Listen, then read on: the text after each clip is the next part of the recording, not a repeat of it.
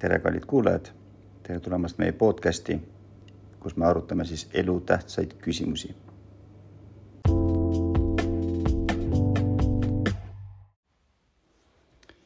tänane teema on meil siis ähm, kirikutest ja me räägime kahest kirikust.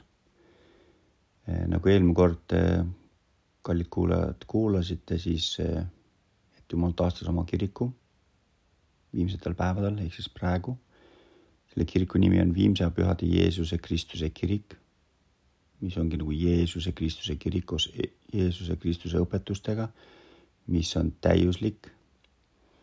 täiuslik selles mõttes, et siin on kõik evangeeliumi õpetus. täiuslik selles mõttes, et mis viib inimese ülenduseni ja päästmiseni. kui vaadata tagasi, kui ma olin noorem, siis piiblist seda kõike nagu ei saa, et üht-teist on sealt ära võetud, ähm, mitte pandud sisse, me ei tea täpselt, mis põhjusel, võib-olla täna saame teada. aga, ja teine kirik on siis see, mis seisab sellele kõigele vastu. ja me loen Mormi raamatust täna ühest peatükist, kuidas Nefi sai nägemuse, mis kirikuga on siis tegu või mis see kirik on ja siin on mõned veel head asjad, mida ma siis arutan. küll siin isekestis, täna olen üksi, külalist mul ei ole. aga mul oli selline tung, et ma pean seda rääkima, et tõde jõuaks päevavalgele ja inimesed saaksid teada, millega on siis tegu. ja alati te võite minu juttu kuuldes kas seda uskuda või mitte uskuda, see on teie valik, aga mina soovitan alati üle küsida Jumalalt ehk siis palvetada, kas see, mida ma räägin, on õige või ei ole. ja niimoodi me saame tõele lähemale ja iga inimene saab niimoodi tõele lähemale. nii, aga ma alustan äh, maailma raamatust ja siin on üks äh, tegelane nimi, nimega Nefi ja sissejuhatus on siis selline. Nefi näeb nägemuses kuradi kiriku asutamist paganate seas, Ameerika avastamist ja asutamist, piibli paljude selgete ja hinnaliste osade kadumist, sellest tulenevat paganate usu taganemist, evangeeliumi taastamist, viimse, viimse aja pühakirja ilmumist ja siiani ülesehitamist. ehk siis sellised äh, punktid mida ma sooviksin lugeda ja siin täpsustada. nii ja ma alustan. ja sündis, et ingel rääkis mulle öeldes, vaata ja ma vaatasin, vaatasin ning nägin palju rahvaid ja kuningriike. ja ingel ütles mulle, mida sa näed? ja ma ütlesin, ma näen palju rahvaid ja kuningriike. ja ta ütles mulle, need on paganate rahvad ja kuningriigid ja sündis, et ma nägin paganate rahvaste seas suure kiriku asutamist. ja ingel ütles mulle, vaata, kiriku asutamist, mis on kõige jäledam kõikidest teistest kirikutest, mis surmab Jumala pühi ja piinab neid ja seob nad kinni ja ikestab neid raudikega ning viib nad vangistusse. ja siin ma teen väikse pausi, viidates piiblile piiblis on selline mm, koht nagu ilmutuse raamat seitseteist, salmid kolm ja kuus, mis räägib ka sellest. et kes tahab, see võib lugeda, ma ei hakka praegu siit äh, lugema maha. ja ma loen edasi ja sündis, et ma nägin seda suurt ja jäledat kirikut ja ma nägin kuradit, et tema oli selle asutaja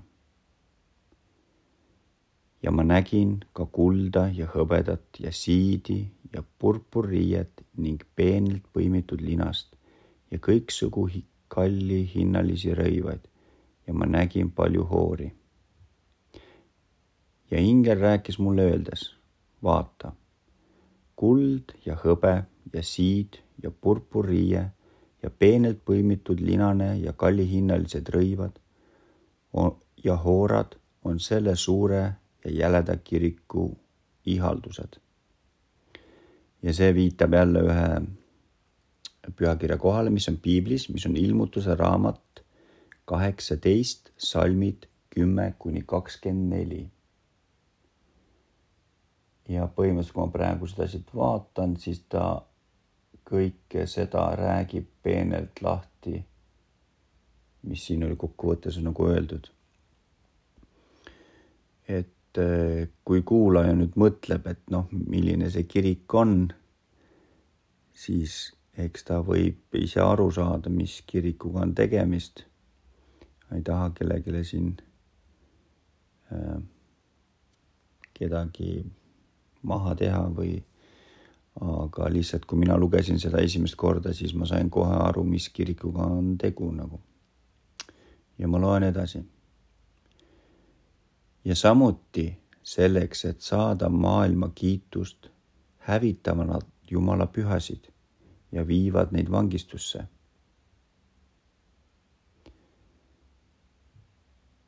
samamoodi ma siin teen väikse peatuse, ütlen seda, et, et saada maailma kiitust, et paljud kirikud teevad seda selleks, et nagu siin ütleb, saada maailma kiitust. Vaadake meid, me teeme seda, me teeme nii. või ma ei tea, mis veel. asju tehakse raha pärast. aga issanda kirikus see nii ei ole. loen edasi. ja sündis, et ma vaatasin ja nägin paljusid vett. ja need lahutasid paganaid minu vendade seemnest ja sündis, et ingel ütles mulle, vaata, Jumala viha on sinu vendade seemne peal. ja ma vaatasin ja nägin paganate seas ühte meest, kes oli eraldatud minu vendade seemnest paljude vetega. ja ma nägin Jumala vaimu, et see tuli alla ning mõjutas seda meest ja ta läks paljude vetele koguni minu vendade seemne juurde välja, kes olid tõotatud maal nii, nüüd väike paus. mõttekoht, kes on see mees? kes on see mees, kes läks üle paljude suurte vete ja läks siis nende juurde, kes olid tõotatud maal. ja tõotatud maal,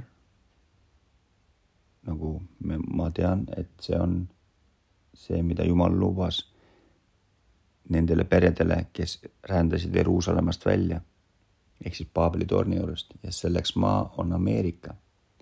siis küsimus on, kes oli see mõjutatud mees vaimu poolest, kes läks siis selle seemne juurde, kes oli tõotatud maal ehk siis kes oli see Ameerika rahvas. Mina tean läbi pühakirja ja läbi ajaloo, kui nüüd ma ütlen teile, siis te hakkate võib-olla pilti kokku panema. kes avastas Ameerika? kes oli see mees? see oli Columbus. ja nüüd on huvitav fakt, mõelge, et kui inimesed olid enne Columbust Ameerikas, siis kuidas nad sinna said? Columbus oli esimene, kes avastas Ameerika aastal tuhat nelisada üheksakümmend kaks minu teada. ja kui Columbus avastas Ameerika, siis olid juba seal rahvad. siis küsimus, kuidas, kuidas nad sinna said?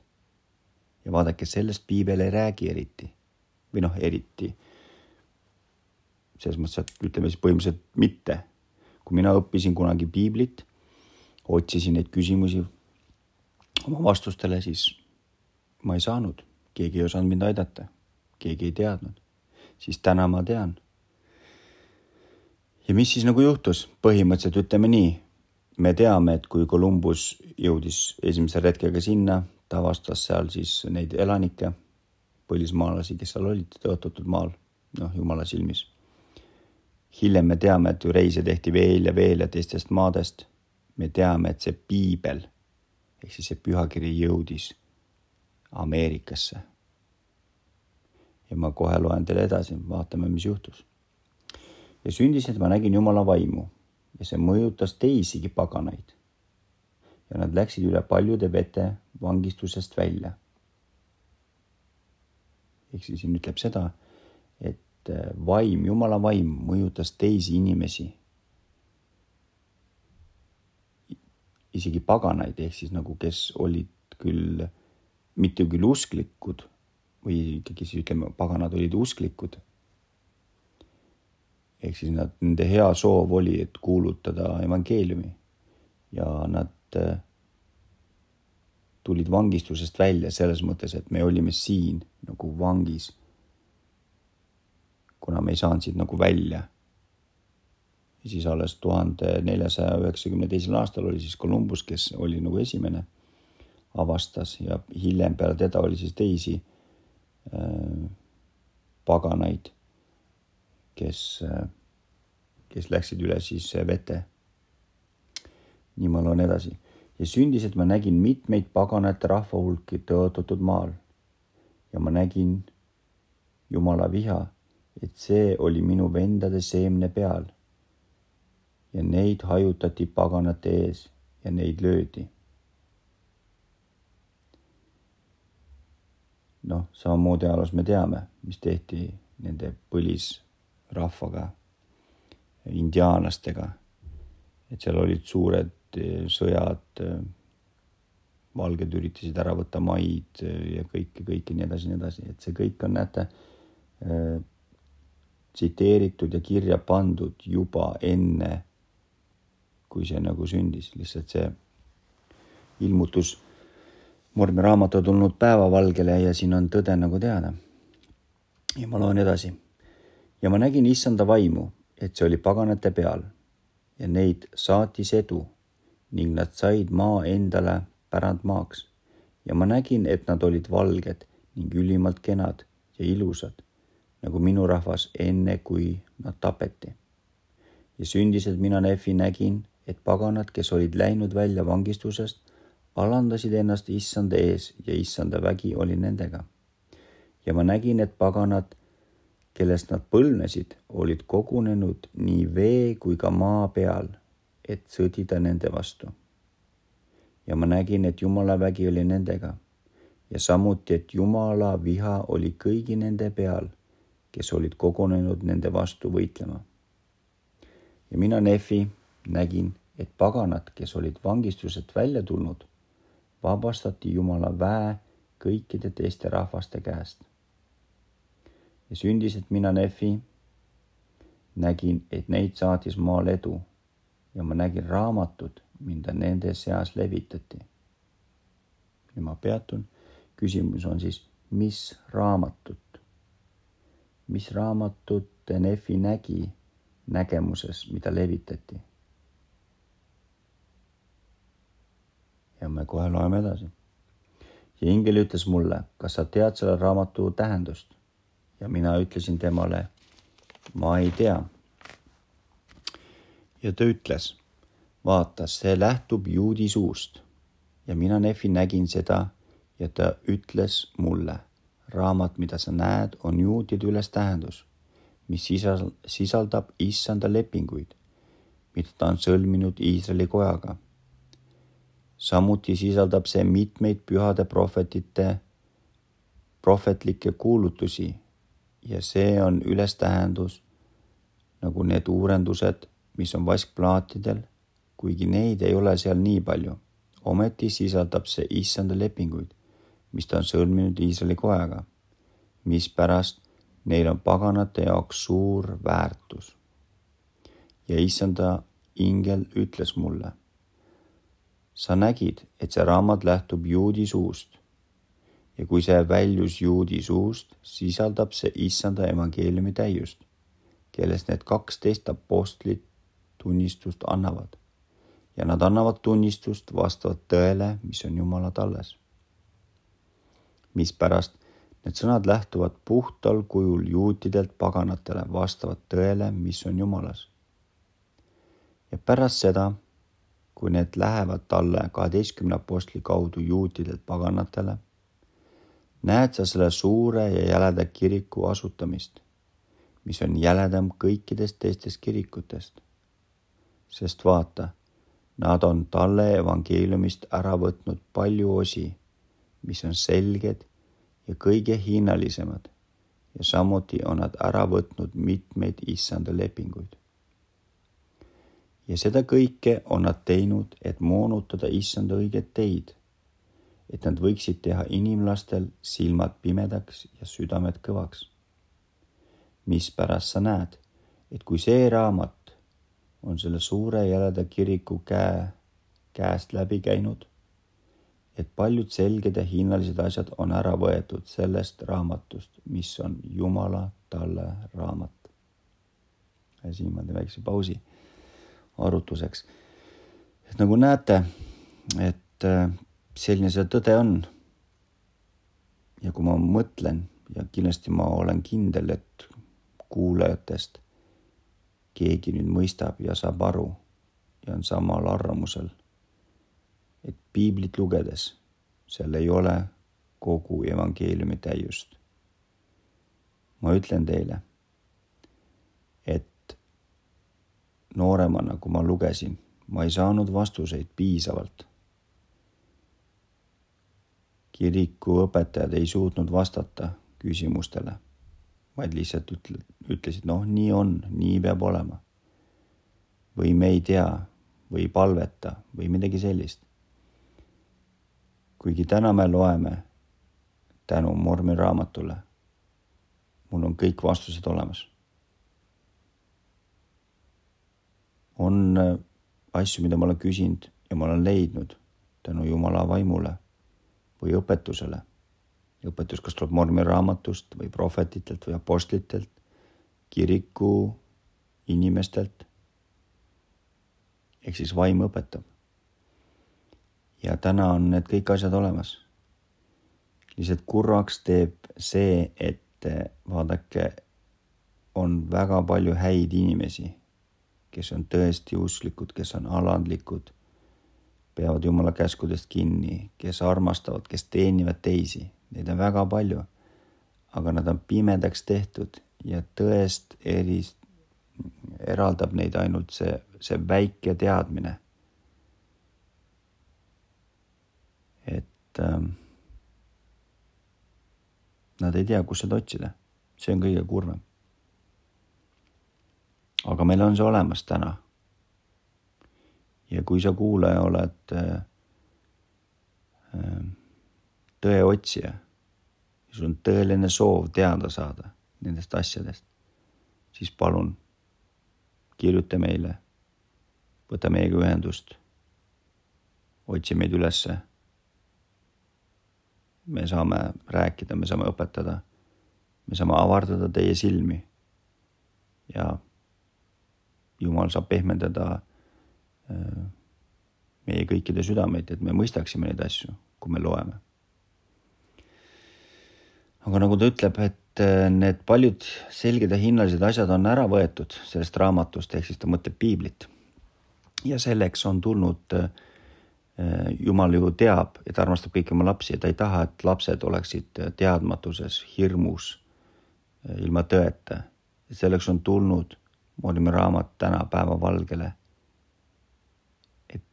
inimesed saaksid kõik teada sellest. et ei saa enam väänata tõde. ja kui on kaks tunnistajat, ma mõtlen piibel ja Mormi raamat, need toetavad üksteist. mõlemaid koos lugedes me saame tõele palju selgemalt äh, jälile või aru sellest. Ja me saame tervit-, tervikliku nagu, äh, kuidas ma ütlen, tervikliku äh, tuuma või selle, jõuame selle tuumani, päästmisplaanini, mida Jumal on teinud kõikide oma laste heaks. nii, aga ma loen edasi, siin veel on päris põnev. ja pärast seda, kui need selged ja hinnalised asjad on ära võetud, levib see kõikide pagana rahvastele. ja kui see on levinud kõikidele pagana rahvastele, jah, kogun üle paljude vete, mida sa oled näinud, paganate kaudu, kes on tulnud välja vangistusest. sa näed nende paljude selgete hinnaliste asjade pärast, mis on raamatust ära võetud, mis olid inimlaste arusaamisele selged vastavalt selgusele, mis on Jumala talles. Nende asjade pärast, mis on talle evangeeliumist välja võetud, ülimalt suur hulk komistab, jah, nii et saatanal on nende üle suur võim. oh, ma ütlen, nagu see, vaat see ongi see nagu, mis mind, mul ei mahu pähe või mis mind kurvastab nagu. et nagu siin kinnitab nagu seda, et sellepärast, et piiblist on välja võetud selged ja hinnalised asjad, õpetus. ja on palju inimlapsi, inimesi, kes on usklikud ja kes usuvad ainult piiblit. ei midagi muud, seepärast nad on eksitatud. Nad on nagu pimedad, neil ei ole terviklikku õpetust ja ta ütleb siin ülimalt suur hulk komistab. sest saatanal on nende üle suur võim. ja ma toon teile näite. ma olen rääkinud, ma olen üritanud rääkida paljude inimestega mm,. isegi mõne kirikuga. ja isegi olen üritanud, astusin sisse äh, ühte siis kooli, kus õppida seda. ja kurb on see, et tõesti kõik need õpetavad piiblit ja teatuid teemasid, aga nad ei mõista selle tuuma. inimesed käivad seal, nad õpivad, nad noogutavad kaasa, neil on küsimusi millele neile ei vastata. ja ma olin ise selle juures tunnistaja. ja ma küsisin, kuidas on see nii. ja nad ütlevad, nad ei tea. Nad ei tea vastuseid, aga need vastused on olemas, ma luban teile. mina tean neid asju. ja me tänu Mormi raamatule saame ka teada. aga miks paljud inimesed kardavad seda Mormi raamatut, ma ei oska teile öelda, nad kardavad seda nagu tuld aga see on sellepärast, et saatanal on nende üle suur võim. ja mõnedes piiblikohtades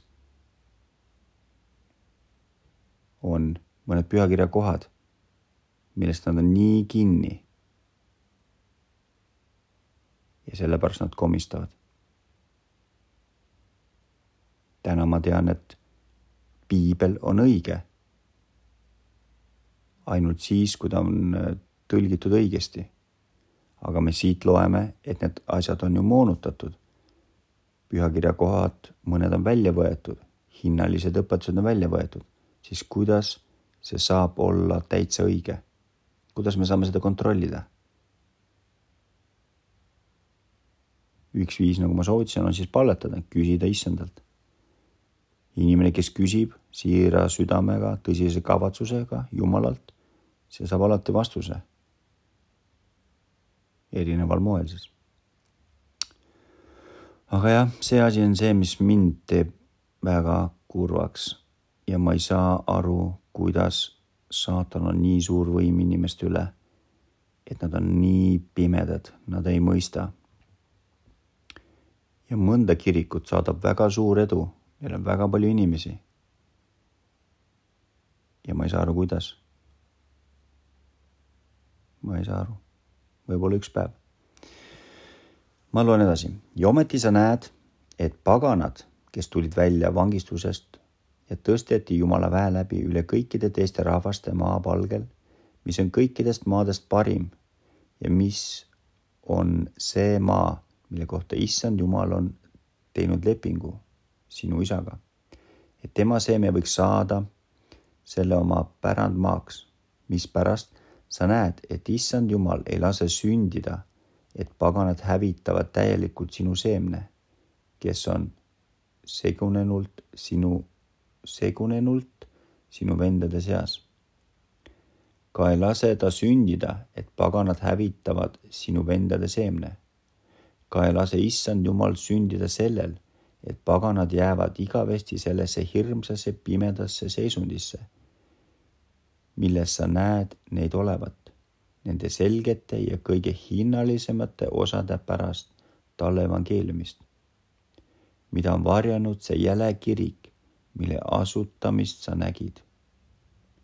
mispärast Jumala tal ütleb, ma olen halastav paganate vastu, nuheldes Iisraeli koja jääki suure kohtumõistmisega. ja sündis, et issanda ingel rääkis mulle öeldes, vaata, Jumala tal ütleb, et pärast seda, kui ma olen nuhelnud Iisraeli koja jääki ja see jääk, millest ma räägin, on sinu isa seemne, mispärast pärast seda, kui ma olen teinud kohtu, olen neid kohtumõistmisega nuhelnud ja löönud ning paganate käega nuhelnud ja löönud neid paganate käega. Ja pärast seda, kui paganad komistavad üliväga talle evangeeliumi kõige selgemate, hinnalisemate osade pärast, mida on varjanud see jäle kirik, mis on hoore tema, ütleb tal. sel päeval olen ma paganate vastu halastav, nii et ma toon omaenda väe kaudu nendele suure osa oma evangeeliumist, mis on selge ja hinnaline, ütleb tal. Teeme väikse pausi. ehk siis, mis asi see on, see äh, äh, selge ja hinnaline äh,? põhimõtteliselt ta annab mõista või ta ütleb, et see ongi see Mormoni raamat. seepärast Jumal on halastav kõikide inimeste vastu, ta ei saa ju lasta oma lastel hukkuda. Isegi nendel, kes usuvad piiblit, ainult piiblit, piiblit. kuigi hukkuvad tänu saatanale. seepärast saatan on valed isa ja ta valetab ja ta eksitab inimesi.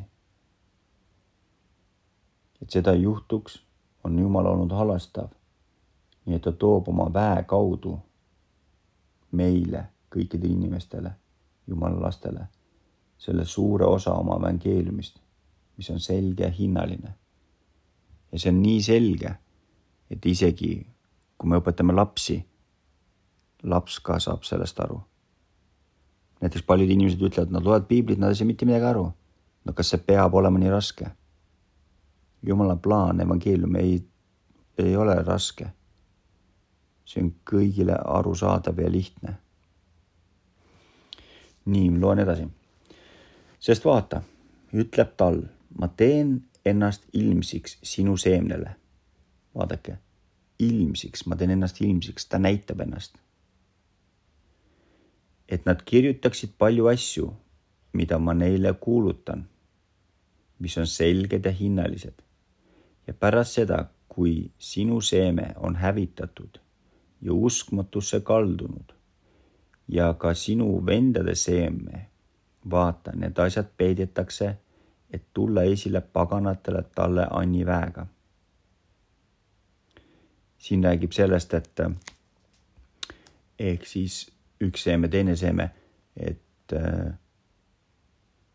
Ameerika mandril siis kirjutati üles need ülestähendused ja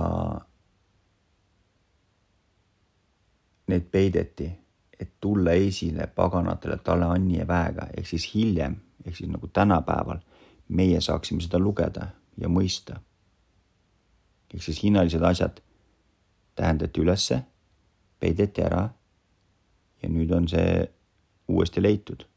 ehk siis tänu sellele leiti need kuldsed plaadid, vaskplaadid, mis olid Nefi siis üles tähendanud näiteks või ja mida Moroni eh, või see Moroni ja Mormon siis eh, üles tähendasid ja hiljem maasse siis eh, peideti. ja Joseph Smith oli siis see, kellele ilmutati, kus need on ja tema siis leidis need või siis Jumala ütleme väega need tulid päevavalgele. nii, ja neis saab olema kirjas minu evangeelium, ütleb tal, ja minu kalju ja minu pääste. ja õnnistatud on need, kes püüavad tol päeval esile tuua minu Siionit, sest neil saab olema püha vaimu and. ma rõhutan, püha vaimu and. küsimus kuulajale, kas on mõni kirik, kellel on püha vaimu and? võib-olla te küsite, mis see on. kunagi hiljem saame rääkida. ehk siis, sest neil saab olema püha vaimu and ja vägi ja kui nad peavad vastu kuni lõpuni, tõstetakse nad üles viimsel päeval ja nad saavad päästetud talle igavikulise kuningriiki ja kes iganes kuulutab rahu, jah, sõnumeid suurest rõõmust, kui armsad, kui armsad on nad mägede peal. ja sündis, et ma nägin oma vendade seemnejääki ja ka Jumala talle raamatut, mis lähtus juudi suust. ja et see tuli paganatelt minu vendade seemnejäägile. ja pärast seda, kui see oli neile esile tulnud, nägin ma teisi raamatuid, mis tulid tulid esile talleväega paganatelt neile, et veenda paganaid, et minu vendade seemnejääki ja ka juute, kes olid hajutatud kogu maa pinnal, et prohvetite ja talle ka, talle kaheteistkümne apostli ülestähendused on õiged. ja ingel rääkis mulle öeldes, need viimased ülestähendused mida sa oled näinud paganate seas, kinnitavad esimeste õigsust, mis tulevad talle kaheteistkümnelt apostlilt ja tea ja teevad teatavaks need selged ja hinnalised asjad, mis on nendest ära võetud.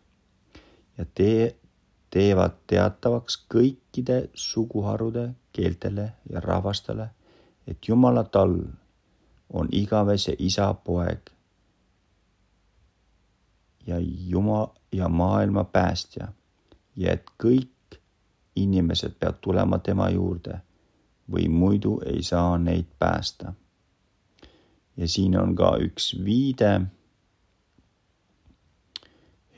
Hesa, Hes, Hesaakeli raamatule Vana Testamendis kolmkümmend seitse ja salmid äh, viisteist kuni üheksateist kuulaja soovib äh, paralleelselt äh, mõista, millest jutt on, siis ta võib seda lugeda. Ja nad peavad tulema vastavalt sõnadele, mis kehtestatakse talle suuga. ja talle sõnad kehtest-, keht- ja talle sõnad tehakse teatavaks sinu seemne ülestähendustes sama hästi kui talle kaheteistkümne apostli ülestähendustes mispärast need mõlemad saavad üheks, sest on üks Jumal ja üks karjane üle kogu maa. ja tuleb aeg, mil ta teeb ennast ilmsiks kõikidele rahvastele, nii juutidele kui ka paganatele. ja kui ta on ennast juutidele ja ka paganatele ilmsiks teinud, siis teeb ta ennast ilmsiks paganatele ja ka juutidele ja viimane saab esimeseks ja esimene saab viimaseks. Selline oli siis see, see üks peatükk. aga me saame siit edasi veel minna. mis räägib veel natuke veel põhjalikumalt nendest kahest kirikutest, kahest kirikust siis. ja ma loen siis äh, peatüki neliteist ka. ja sünnib, et kui paganad võtavad kuulda Jumala talle sellel päeval, mil ta teeb ennast nendele ilmsiks sõnas ja ka väes tõelises, tõelises, tõelistes tegudes et kõrvaldada nende komistuskivid. ega tee oma südant kõvaks Jumala talle vastu, siis loetakse nad sinu isa seemne hulka ja nad loetakse Iisraeli koja hulka ja nad saavad olema õnnistatud rahvas, tõotatud maal igaveseks. kunagi enam ei viida neid vangistusse ja Iisraeli koda ei aeta enam segadusse. ehk siis siin on selline lubadus Jumalalt endalt. et kui nad ei või tähendab siis mitte nad, vaid meie ei tee oma südant kõvaks Jumala talle vastu ehk siis Jeesuse Kristuse vastu, loetakse meid, siis äh, sinu isa seemne hulka. Ja Iisraeli koja hulka. Ja me saame õnnistatud rahvaks. ja siin siis räägib ikkagi sellest äh, Ameerika mandrist, need, kes seal ütleme praegu elavad. Ja ka see tähendab ka, laieneb ka meile. kuna me oleme kõik Jumala lapsed ma loen edasi ja see suur auk, mille on kaevanud neile, see suur ja jälle kirik, mille on asutanud kurat ja tema lapsed, et ta võiks juhtida inimeste hinged alla põrgusse. jah, see suur auk, mis on kaevatud inimeste hävitamiseks, saab täidetud nendega, kes selle kaevasid, nende lõplikuks hävituseks, ütleb Jumala tall. mitte hinge hävitamiseks, vaid selle viskamiseks sellesse põrgusse, millel ei ole lõppu. sest vaata, see on kuradi vangistust mööda ja ka vastavalt Jumala õiglusele kõikide nende suhtes, kes panevad tema ees toime pahelisust ja jäledusi. ja sündised ingel rääkis mulle, Nefile öeldes, sa oled näinud, et kui paganad meelt parandavad, siis on nendega kõik hästi. ja sa tead ka issanda lepinguid Iisraeli kojaga. ja sa oled ka kuulnud, kes iganes meelt ei paranda, peab hukkuma. seepärast häda paganatele, kui saab nõnda olema, et nad teevad oma südame kõvaks Jumala talle vastu.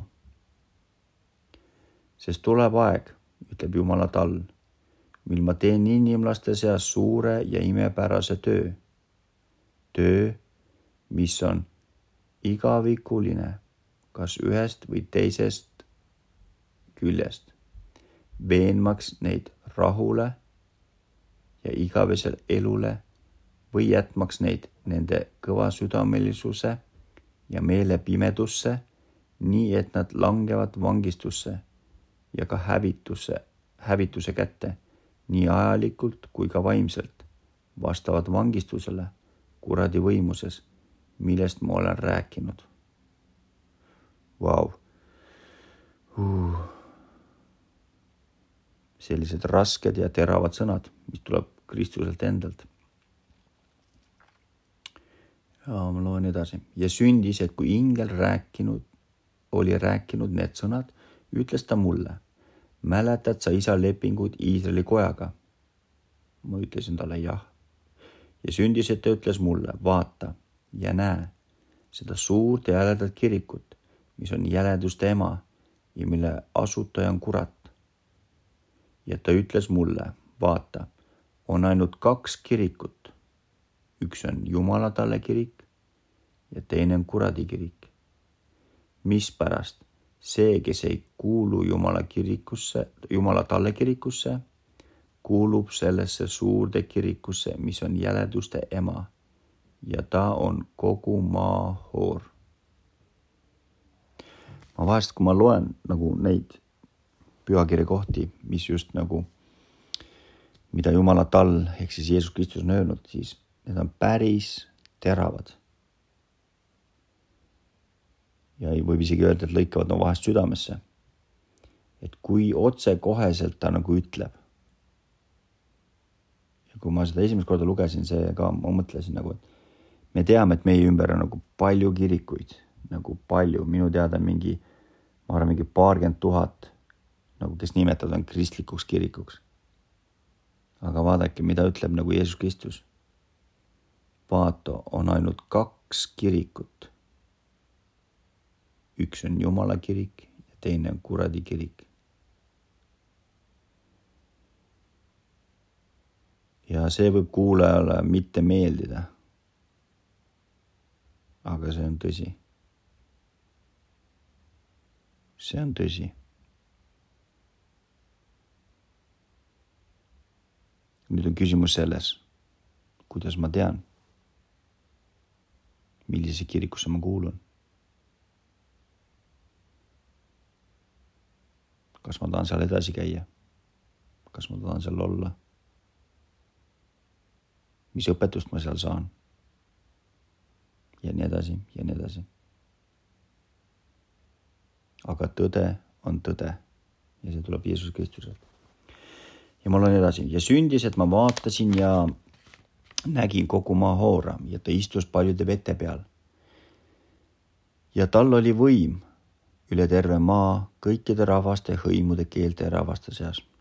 ehk siis siin jälle viitab ilmutuse raamatule, isegi Matteusele raamatule, Matteuse seitse neliteist näiteks, ilmutuse raamat seitseteist, jälle üks kuni kuus, kaheksateist, kakskümmend neli. ja ma loen edasi ja sündis, et ma nägin Jumala talle kirikut ja selle liikmeid oli vähe, selle hoora pahelisuse ja jäleduste pärast, kes istus paljude vete peal.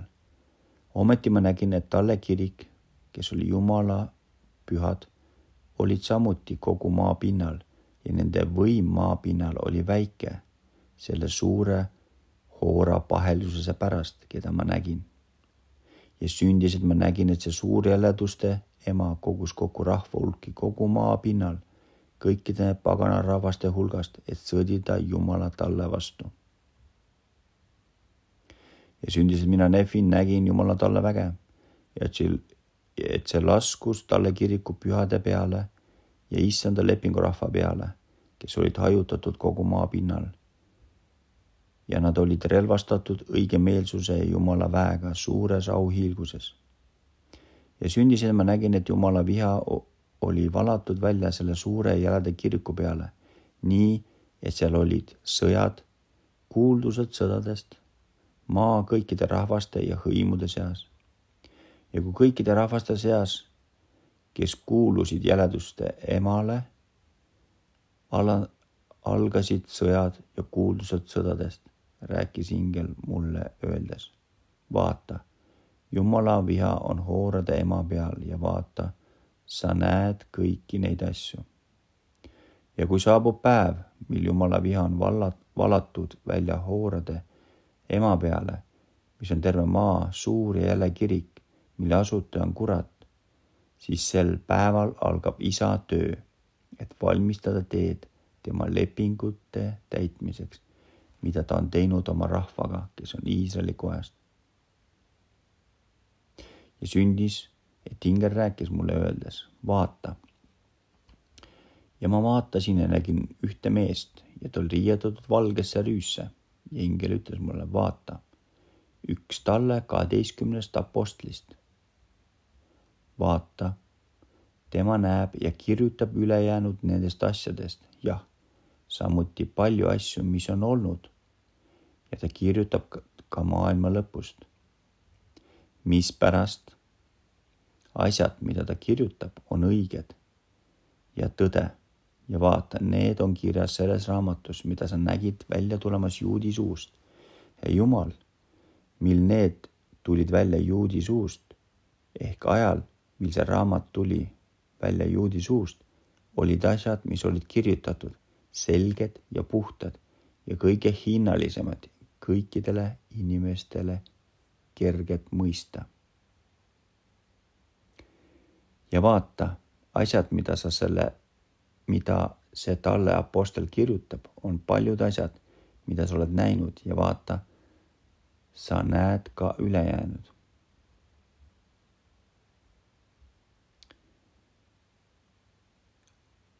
Aga seda, mida sa nüüd edaspidi näed, ära kirjuta, sest issand Jumal on pühitsenud Jumala talle apostli, et tema need kirja paneks. siin ma teen väikse pausi.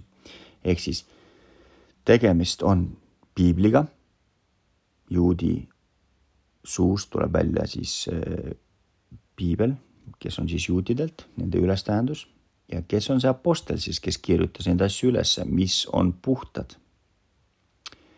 Ja tavaliselt mina olen kuulnud paljude usklike seast, kes ütlevad, piibel, piibel on õige piibel. ja et, et sinna ei saa mitte midagi juurde panna ega ära võtta, seepärast seal viimases raamatus niimoodi ütleb. ja kui me vaatame piiblis, mis on viimane raamat, on Johannese ilmutuse raamat. aga need, kes seda ütlevad, kahjuks ei mõista seda, et see kehtib ainult Johannese ilmutuse raamatu kohta. ehk siis me saame teada, et Johannese ilmutuse raamat on väga selge ja puhas, kuigi on seda raske mõista, aga ta on hinnaline Äh, mõista seda, sellepärast et seal on hästi palju tähendus, äh, tähendus, äh, tähendus siis, tähendusi, mis on raske mõista. näiteks siin räägib ju hoorast ja metsalisest ja, ja, ja nii edasi, nii edasi, paljudest teistest lindudest ja loomadest, et mida see kõike tähendab nagu. aga kuhu ma tahtsin jõuda, ma tahtsin jõuda selleni, et vaadake, piibel koosneb kuuekümnest kuuest raamatust ja kindlasti, kui see piibel kokku pandi aastal kolmsada kakskümmend viis kuskil, eh, siis see ilmselgelt meelega jäeti lõppu, et lugeja mõistaks seda, et saaks aru, et see kehtib kogu raamatu kohta. aga tegelikult kehtib see ainult selle kohta, seepärast piibel sisaldab kuuste, kuutekümmend kuute raamatut.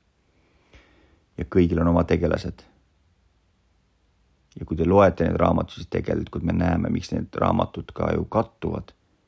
sellepärast, et eh, üks räägib ühest vaatenurgast, teine teisest, aga mõte on sama. ja osadel isegi on see mõte, mõtet ei ole seal, sellepärast et see on kaduma läinud. aga ma usun, te saate siis aru, kes see apostel või kes see jumala apostel oli. vaatame kohe, mis siin ütleb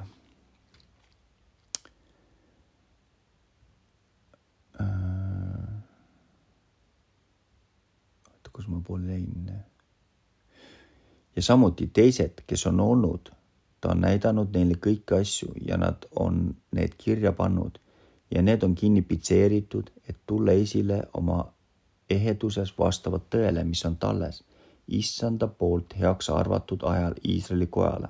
ehk siis teatud pühakirjad pitseeriti kinni, et keegi neid ei saaks lugeda ja need on, et peaksid tulema siis teatud ajal ja see teatud aeg on juba olnud täna.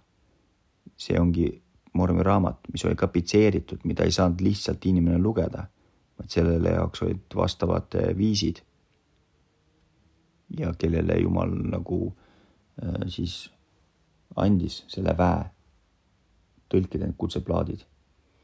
ja selleks oli Joseph Smith koos oma abilistega ja mina, Nefi, kuulsin ja annan tunnistust, et talle apostli nimi oli inglise sõnul Johannes ehk siis Johannes, kes oli Patmose saarel, kui ta sai ilmutused ja ta pani need kirja. ja sellepärast see tema ilmutused, mis on kirja pandud, on puutumatud ja hinnalised ja puhtad. ja vaata, minul, Nefil keelati kirjutada ülejäänud asjadest, mida ma nägin ja kuulsin mispärast asjadest, mida ma olen kirjutanud, on mulle küllalt ja ma olen kirjutanud ainult väikese osa asjadest, mida ma nägin. ja ma annan tunnistust, et ma nägin asju, mida nägi minu isa ja issanda ingel tegi need mulle teatavaks. ja nüüd ma teen lõpu rääkimisel asjadest, mida ma nägin, ajal, mil ma olin vaimust ära viidud. ja kuigi kõik asjad, mida ma nägin, ei ole kirja pandud, on asjad, mis ma olen kirja pannud, õiged. Ja nõnda see on. ja aamen, ütleb siis Nefi. et oh, ma arvan, see, mida te täna kuulsite, on liiga palju teie jaoks. võib-olla raske mõista, võib-olla valmistas ka pettumust. aga see on nii.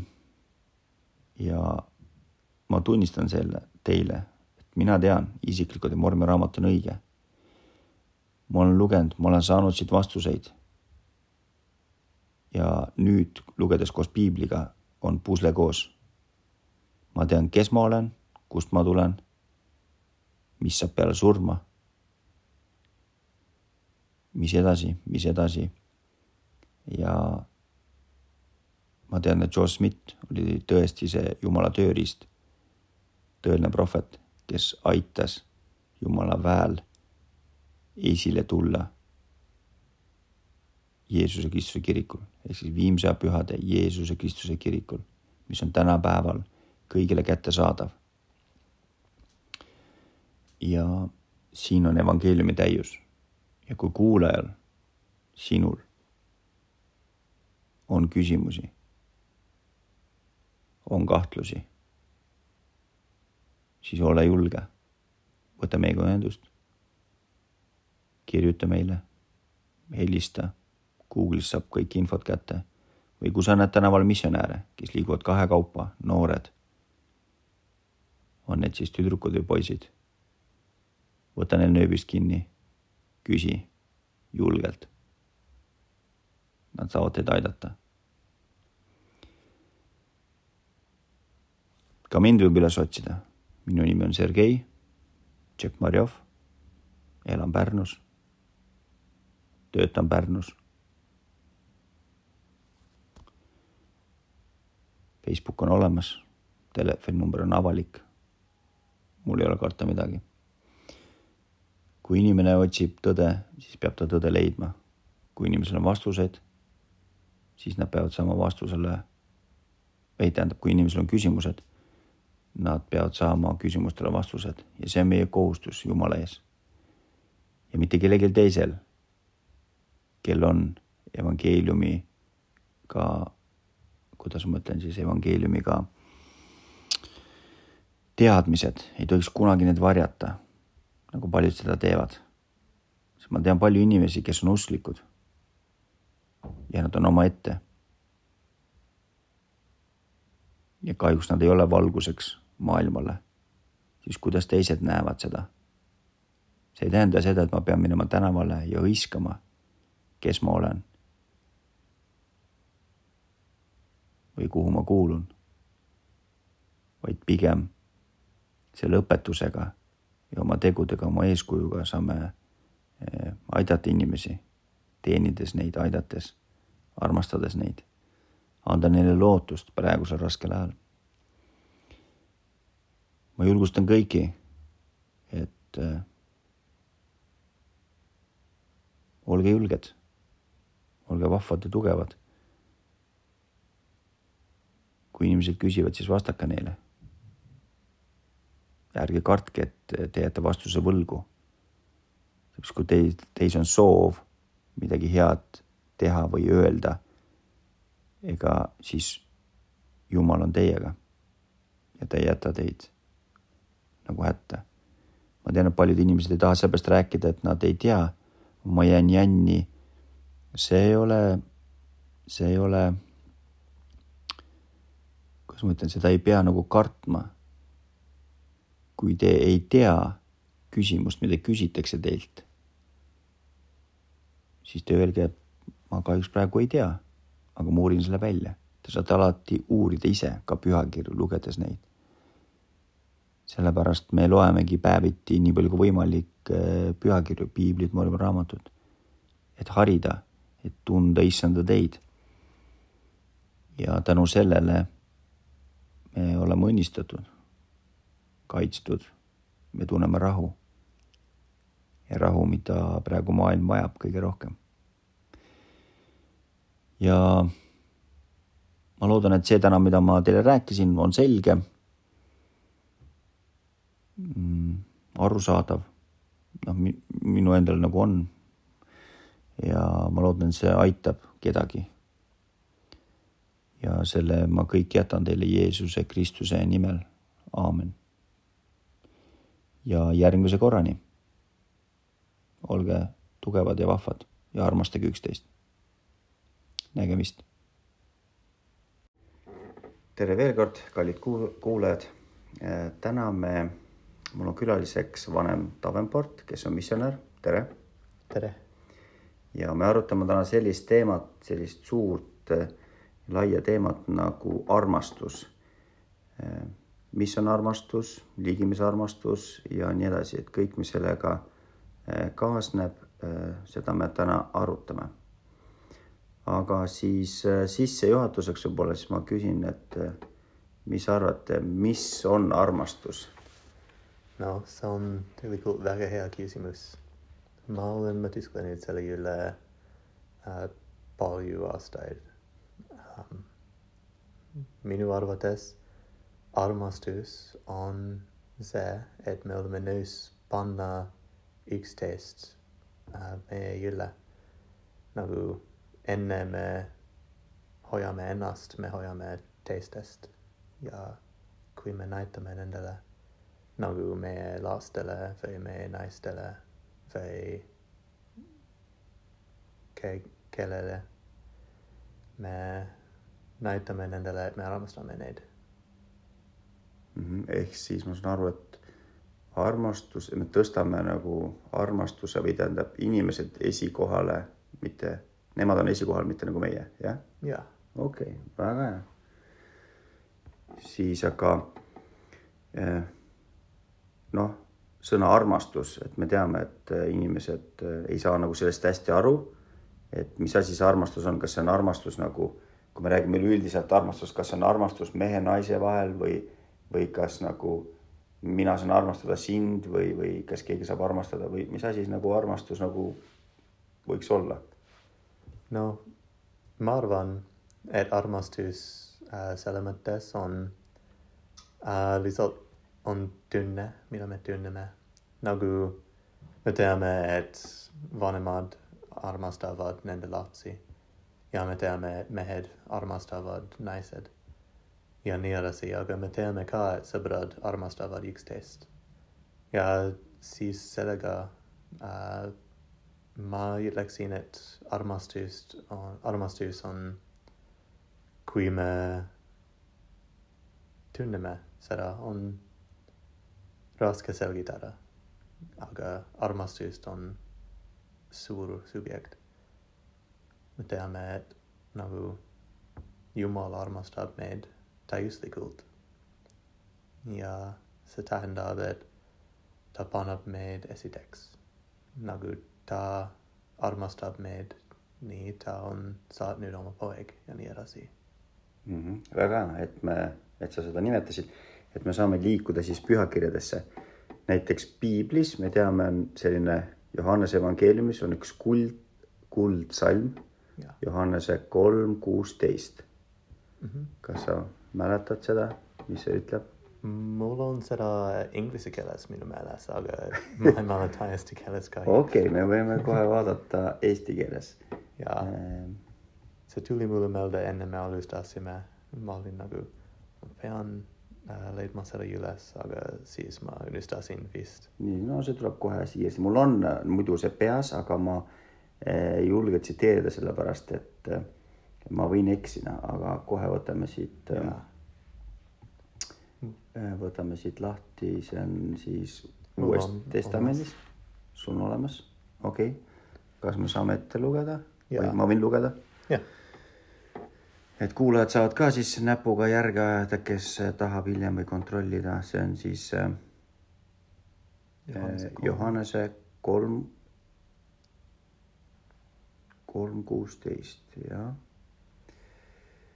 sest nõnda on Jumal maailma armastanud, et ta on, et ta oma ainusündinud poja on andnud, et ükski, kes temasse usub ei hukkuks, vaid et tal oleks igavene elu.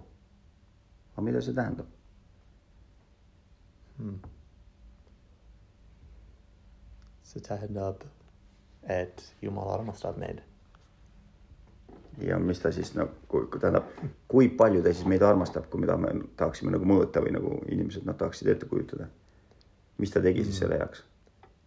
see on hea, mulle meeldib äh, mõtiskleda selle üle niimoodi, et nagu kui ma olin is-, kui ma olen isa, siis kui palju ma pean armastama midagi, et anda mu äh, äh, isegi üks mu lastest sellest. nagu Jumal on andnud tema ainusündinud poeg meie jaoks. see on suur suur nagu ohverdus. ja jaa. Ma ei tea, kuidas äh, öelda seda, see on lihtsalt elu muutmine, elu muutmise niimoodi. mm. -hmm. no me teame jah, et ju Jumal on meid, no sellest pühakirja kohast me saame aru niimoodi, et Jumal on maailma armastanud, ehk siis nagu meid. ja ma vahest nagu tsiteerin seda pühakirja kohta niimoodi, et äh, näiteks kuulaja võib ka nagu kuulata ja mõelda, et iga selle maailma sõna asemele pange oma nimi, näiteks no ma võtan nime kellegi näiteks lihtsalt Mihkel, võtame näiteks ja siis me, see salm saab uue tähenduse hoopis, vaadake.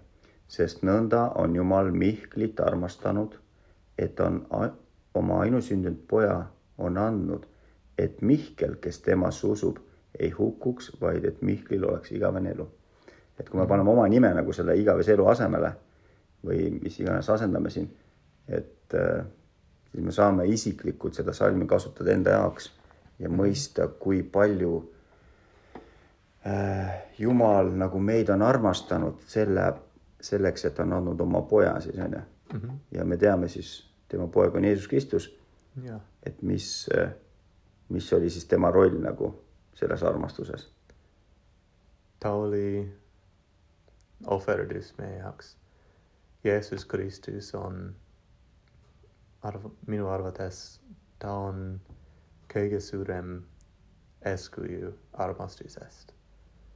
Nagu meteam et iumos ad nutera et uh, offertam end meax, aga meteam eca ta uh, tulex meax, isegi qui on aenult minu oma uh, eluperast. Või isegi kui on ainult uh, Mikeli oma, Mikeli ise. kes see? nagu Mikel uh,. lihtsalt see inimene, keda me kasutasime. aa, see nimi jah, okei jah, Mihkel, jah see, kui on ainult Miku, Mihkel, kes vajab abi mm. -hmm. me teame, et Jeesus aitaks teda. aga kuidas näiteks, kui inimesed kuulavad, et kuidas nad nagu, kuidas nad saaksid seda nagu mõista või kuidas nad äh,, okei okay,, no see üks, see pühakiri armastusest on ju mm, -hmm. et me saame aru, et Jeesus Kristus ohverdas enda elu, et meie võiksime nagu saada igavese elu ja võiksime hästi nagu elada. tema mhm. kannatas meie eest mm, -hmm. ohverdas kõik oma valud, haigused, kõik võttis enda peale. et kuidas see aitaks kuulajat või inimest, kes kuulab, et, äh, et kuidas tema võiks saada nagu siit äh, nagu lohutust või juhatust või kuidas see armastus saaks aidata inimest, mis sa arvad? no ma arvan, et üks äh, minu lemmikeskuid sellest on Mormoni raamatus mm, -hmm. kui Alma noorem saab äh, päästeks oma pattudest äh,. see on Mormoni raamatus Alma kolmkümmend kuue peatükist. ja siis see on, ma pean vaatama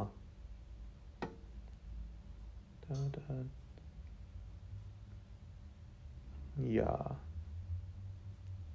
On Psalm kaheksateist ja. Samuti kuni äh, kakskümmend. nii, kas me saame lugeda, jah? jah. nii, siin Alma noorem on kannatanud oma pattude pärast ja ta tundub nagu ta läheb põrguse ja see ei ole hea tunne. aga sel hetkel ta mäletas, et tema isa on õpetanud talle Jeesusest ja mida Jeesus on teinud tema jaoks või sel ajal, mida Jeesus äh, teeb.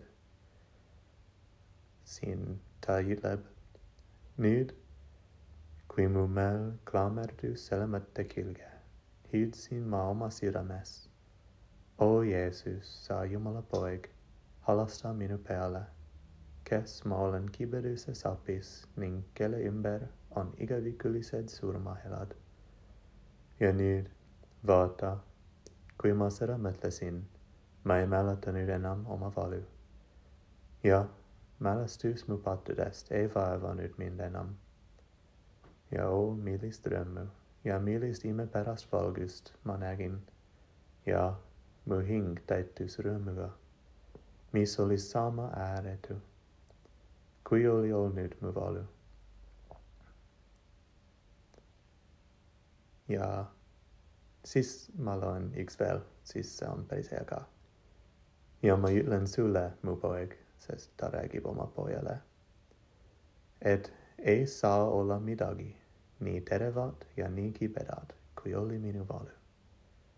ja, ja taas ma ütlen sulle, mu poeg, et teisest küljest ei saa olla midagi nii oivalist ja sulnist, kui oli minu rõõm. Ja see terve peatükk on tegelikult väga hea, et selgitada mulle, mis Jeesuse lepitust tähendab meile. sest siin on Alma, kes on olnud patustaja tema terve elu jooksul selle ajani. ja ta on halb inimene, aga ta ikka saab saada Jeesuse armastusest, Jeesuse lepitusest. isegi kui Jeesus ei ole teinud seda veel, ta äh, tuleb tulevikus sel ajal, aga ta sai äh, õppida temast ja Jeesus ikka aitas teda mm. -hmm. ehk siis äh, tänapäeval võib olla täpselt samamoodi, et äh, inimesed, kes on ahastuses või kes tunnevad sellist äh, tunnet või süütunnet või kibeduses apis või no mis iganes või kurbust, siis äh, ja kindlasti selliseid inimesi on, onju, siis küsimus, et kus nad leiavad seda armastust? mida nad tegema peaksid? no ma olen leidnud seda minu elus palvetamise kaudu põhimõtteliselt. on pühakirjade kaudu ka um,, prohvetide sõnade kaudu, aga mu palvetan uh,, kui ma palvetan, ma tunnen seda äkki kõige vägevam mira maulen tunit, mina tunit, mina velis. Isec uh, eh, eriti quima pauletan uh, eh, siralt. son eh, uh, vagatatis osa pauletan is est mulla. Sest masan pauletara eba siralt, ia se on parem quima e palvet, palveta. Aga quima palvetan siralt, siram ega. Maulen mercinit, ma san naha masan tunda. Yumalar mastust minuvastu masan on nagu qui sa culad et uh, su isast fe su emast et nagu qui nadi levad marmos transind on se sama modi nagu me perme olama culamas äh, selle eest. sest Jumal tõesti armastab meid ja kui me palvetame siiralt, siis me saame äh, näitada talle, et me oleme valmis tunda seda ja me samuti näitada äh, endale, et see on asi, mis on tähtis meile, mida me vajame temast mm. -hmm ja noh, eh, kindlasti mõned inimesed ikka ei saa aru nagu millest me räägime, on ju, armastus, armastus. ja no eestlased nagu on selline üks laul, eh, et mis värvi on armastus, noh, nad mhm. küsivad, on ju. aga ikkagi paljud küsivad, et mis asi see armastus on, et kas ta on tunne või, või nagu mis, mis tunne, et noh, ma pärast, ma enne küsin sinu käest, ma pärast nagu räägin oma kogemust kuidas ma olen seda tundnud või defineerinud, et ma olen aru saanud, et see on nagu armastus, mis on puhas eh, Kristuse või Jumala armastus on ju. Mm. aga kas sa oskad panna sõnadesse enda jaoks, kuidas sina oled tundnud, et nüüd sa saad aru, et see on armastus, Jumala armastus? ma saan proovida. no proovi. no ma, mulle väga meeldib äh, rääkida lost, ni eh, lugud est, ni maiulex in armas est, et armastus on nagu isa vata ab lapsa iule, uh, uh, qui er on, er on cas, qui emma uh, casvatab uh, tema lapste, lastega. Lapsi, lapsi. Lapstega. Mm. Ja kui nad töötavad koos. ma arvan, et ma ütleksin, et armastus on, kui me vaatame äh,, kui me näeme inimestele, inimesi like, nagu tänaval ja me märgime, et nad on erinevad ja nad on olulised. on nagu kui päike äh, paistab taevas. on, kui me tunneme soe, kui me tunneme õnnelik. ja mõnikord me armastame, kui me tunneme kurb äh,, kurb, kurbust, jah. kurbust.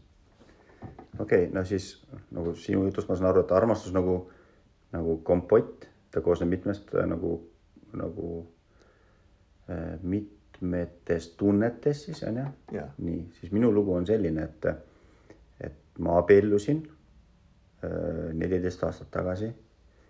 ja kui seesama sõrmus nagu läks minu kätte ja see hetk, kui ma abiellusin, ma nüüd ei mäleta, kas nüüd noh, täpselt see hetk, aga ma mäletan just nagu siis peale neid pulmi, kolm päeva ma tundsin sellist rahu, mida ma ei olnud mitte kunagi tundnud. mul oli selline tunne, et keegi pani mulle ümber nagu vatiteki, mis ja. oligi nagu sa ütlesid, selline soe, pehme, ma ei tea, hell, noh, ma ei oska öelda, sellised nagu äh, tunded. Ja vaimselt noh, näiteks unenägudes ma olen tundnud täpselt samamoodi, kui ma nägin oma isa, onju, kes mul on surnud. ja ta ilmus mulle ja me kallistasime. Ja seda tunnet on nagu võimatu kirjeldada, sa tunned nagu, et sa tahaksid nutta, sa nagu tahaksid naerda, see on soe äh, ja veel sellised kõik head, head asjad ja ma ei oska seda sõnadesse panna, aga see on minu selline kogemus aga erinevatel inimestel on erinevad äh, kogemused, kindlasti mm -hmm. kui kuulaja kuulab, siis äh, kui te mõtlete nende asjade peale, mida me räägime, et siis teil võib olla analoogsed tunded mm. -hmm. ja vist armastust on erinev äh, erinevatele inimestele ka yeah.. Nagu ma ei tunne armastust sama viis, viiel kui teised armastavad. samal viisil nagu? jah yeah. mm -hmm Äh, noh, nüüd peaks nagu pilt enam-vähem selge olema, mis siis armastus on, on ju. E, aga pühakirjades me teame ka, et on hästi palju räägitud ligimese armastusest, mida see ligimese armastus tähendab või kes on ligimene? noh, me. Jeesuse käest küsiti ka onju. jaa, ligimene on kergem selgitada Jeesus äh, selgitas seda niimoodi see samaarlase lugu näiteks. ja mm, -hmm.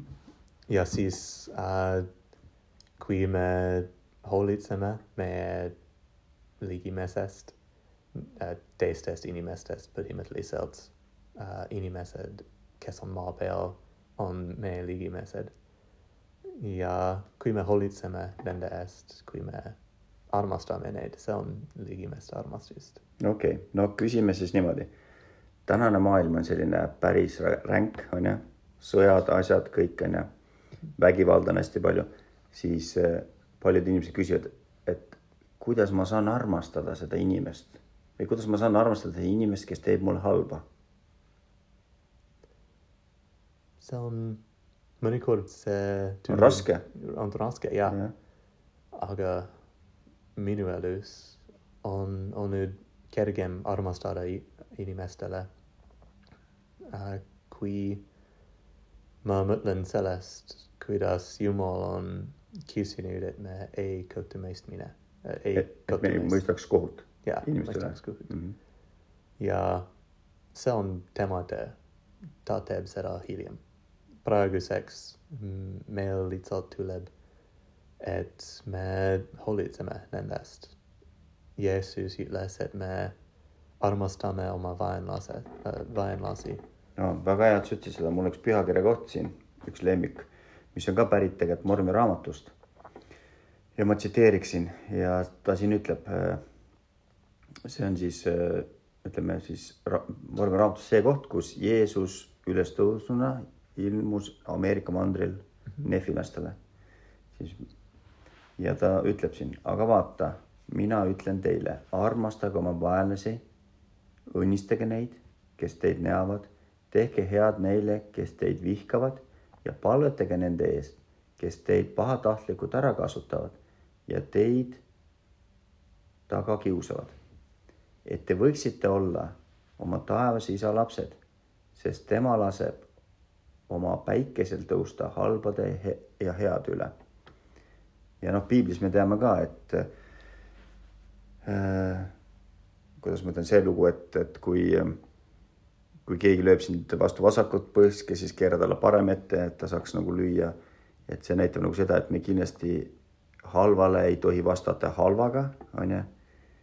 ja, ja minu käest on palju küsitud ka, et, et noh, näiteks kui keegi teeb minu pereliikmele liiga või noh, tapab ära näiteks kedagi, et kuidas mina käituksin sellises olukorras, et kas ma suudaksin jääda veel armastavaks mm. -hmm. täna ma olen öelnud, et ma loodan ja ma arvan, et ma suudan seda, aga ma ei tea, kui see hetk kätte tuleb yeah.. seepärast noh, see võib olla väga emotsionaalselt raske mm. -hmm. aga nagu Kristus õpetab nagu äh, väga selgelt ja puhtalt, et me peame armastama oma vaenlasi, me peame isegi end õnnistama, aga tavaliselt, mida me inimesed teeme, me neame neid me nagu kirume neid, me räägime taga ja halba ja siis need inimesed ei saa muutuda ju kunagi, onju. ehk siis mina saan sellest pühakirja kohast niimoodi aru, et, et kui keegi teeb meile halba, me peaksime palvetama selle inimese eest, onju. Mhm. ja õnnistama, paluda Jumalale, et Jumal õnnistaks teda või aitaks teda, eks mm. -hmm. ja siis me suhtleme selle inimesega edasi või noh, paratamatult näiteks me töötame ühes kohas, me peame temaga suhtlema ja ma tean, üks selline tsitaat on, ma ei tea, kuskohast ma seda kuulsin, aga on öeldud, et armastuse vastu ei ole relva mm. -hmm. nagu see on nagu minu meelest nagu kõige parem nagu tsitaat, mida ma olen kuulnud.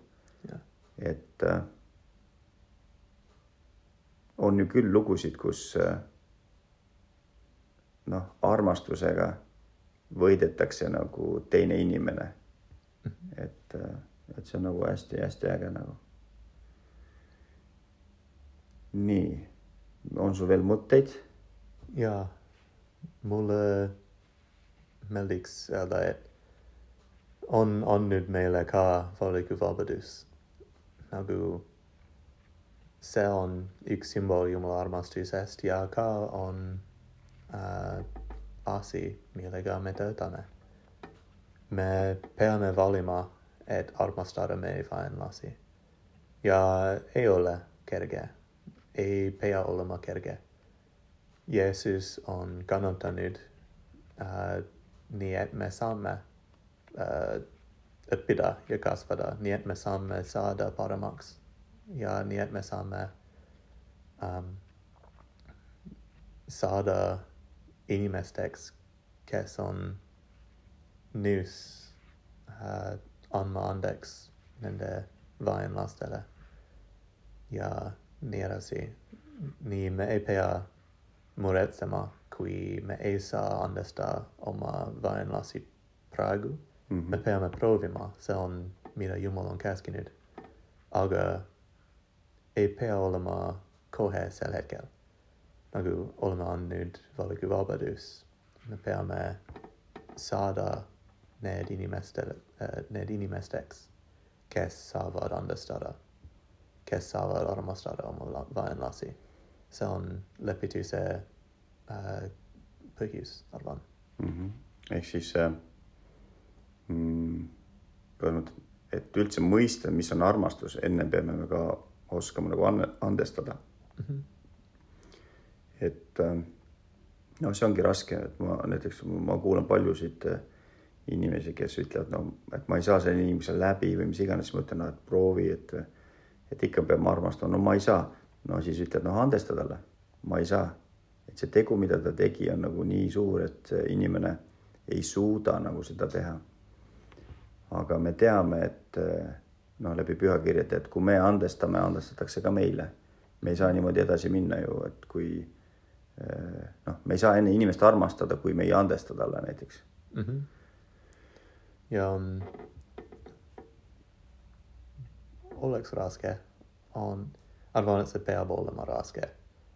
me ei ole siin, et õppida, kuidas teha kerged asjad, kergeid asju mm.. ma tahaksin veel äh, lugeda, ma ei tea, kus aitab mind, kus see pühakirja koht on piiblis, kus äh, tsiteerib nagu, mis on armastus. kas see oli piiblis kuskil Uues Testamendis, et armastus ei ärritu, armastus ei jäta ah, paha. jaa mm,. ma tean, millest sa räägid. on, arvan, on liimese armastust. jah, liimse armastus, just. on korintlastele kolmteist kas äkki? korintlastele, esimene korintlastele või? jaa. Nii, kohe vaatame, et selles mõttes, et jälle, et oma sõnadega me võime igast asju rääkida, aga, aga alati on hea tsiteerida. korintlastele esimene kolmteist või mm? -hmm. nii. ma tean, et pühakirjad õpetavad oh, jaa. palju parem, kui ma saan, eriti äh, eesti keeles. jah. Nii, ma leidsin üles, algab salm neljast ja enne kui me selle ette loeme, ma tahaksin lihtsalt noh, öelda seda, et kui ma olin noorem, ma, arvan, ma olin mingi kakskümmend või midagi sihukest, siis mul oli seesama salm siit äh, välja lõigatud ja pandud raami seina peal. iga kord, kui ma tulin koju sisse, siis ma nägin seda. ja see võib-olla on mind siis nagu aidanud äh, mõistmaks täna siis, mis asi see armastus on. Ja ma tsiteeriksin, see on siis esimene Korintlaste kolmteist salm. Neli algab ja, ja lõpeb mm, salmist kaheksaga, nii. armastus on pika meelega, armastus hellitab, ta ei ole kade. armastus ei kelgi ega hoople. ta ei käitu näotult, ta ei otsi omakasu, ta ei ärritu, ta ei jäta meelde paha tal ei ole rõõmu ülekohtust, aga ta rõõmustab tõe üle. ta lepib kõigega, ta usub kõike, ta loodab kõike, ta talub kõike. armastus ei hääbu kunagi. ehk siis kui meil need omadused oleksid siin sellised, nagu ta kirjeldab, siis nagu see noh, näitabki, et äh, meil on seda liigimise armastust mm. -hmm. ja mis mind murelikuks veel teeb, noh, vaadata seda tänapäevast maailma ja pühakirjadest me teame, et ja need pühakirjad ütlevad, et kõik hävib maailmas mm. -hmm. aga armastus jääb. ja kui kellelgi viimsel päeval on temaga armastus, siis temaga on hästi. see tähendab seda, et kui palju me peaksime õppima sellest. jaa ja kui palju me peaksime üksteist armastama või hoolima üksteisest või andestama üksteisele. et ja. me õpime küll, no ma olen juba kirikus neliteist aastat onju, aga ma ikka tunnen, kui rumal ma olen. noh, et alati nagu õppida veel ja veel ja veel. ja mina ka vot, aga ma mõtlen, kas mingi lugu veel või mingi tsitaat või pühakirjadest midagi, mida me saame kuulajale eh, tsiteerida mm.? mul on lugu minu elust äh, armastusest. kui ma olin väga noor, mu äh, vanemad lahutasid. lahutasid? lahutasid ja muema lax era minust muisas dia kidicus dia iumalas dia caic misonea. Aga ma esanudaru uh, esitex. Cuidas et yet iet carerasi armas tu segat temaiax nagu minumeles toli ta oli, ta oli eksinud ja ta oli patustanud ja ta on patustanud, ta, see on õige, aga see ei tähenda midagi minule. ma armastan, ma armastan teda. ma ikka loodan, et ta tuleb tagasi kirikusse ja nii edasi. aga ma olen õppinud, et armastus on asi, mida me jagame ilma ootamiseta. nagu mm,. kuidas see eesti keeles on, ma mõtlen. jaa äh, ei tule nüüd see sõna meelde noh. tingimusteta armastus on see. jaa mm. -hmm. ja nagu ta ei tahtnud, et ma oleks kiriku liige. ta ei tahtnud, et ma tuleksin Eesti. ta ei tahtnud, et ma teeniksin missionäri. noh, aga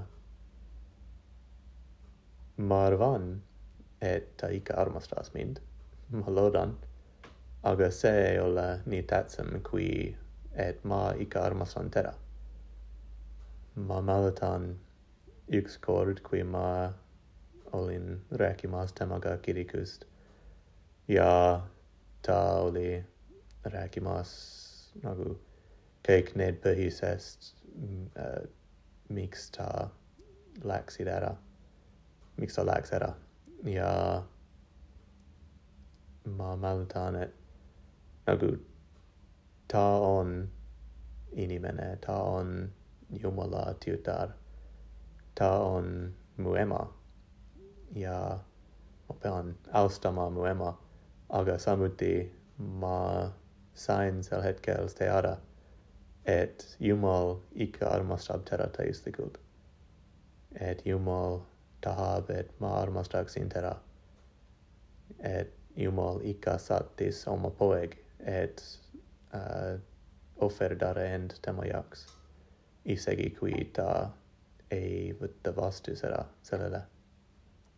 ja ma olen leidnud äh, selle ajast kuni praeguseni, et otsustades, et armastada teda, ma olen valinud armastada, ei ole äh, kingitusega aga on rohkem kristlik, ma loodan mm. -hmm. kristlik armastus, puhas armastus äh,. ma praegu mul tuli meelde, et me teame ju, et Jumal andis meile mõned käsud, mhm. onju.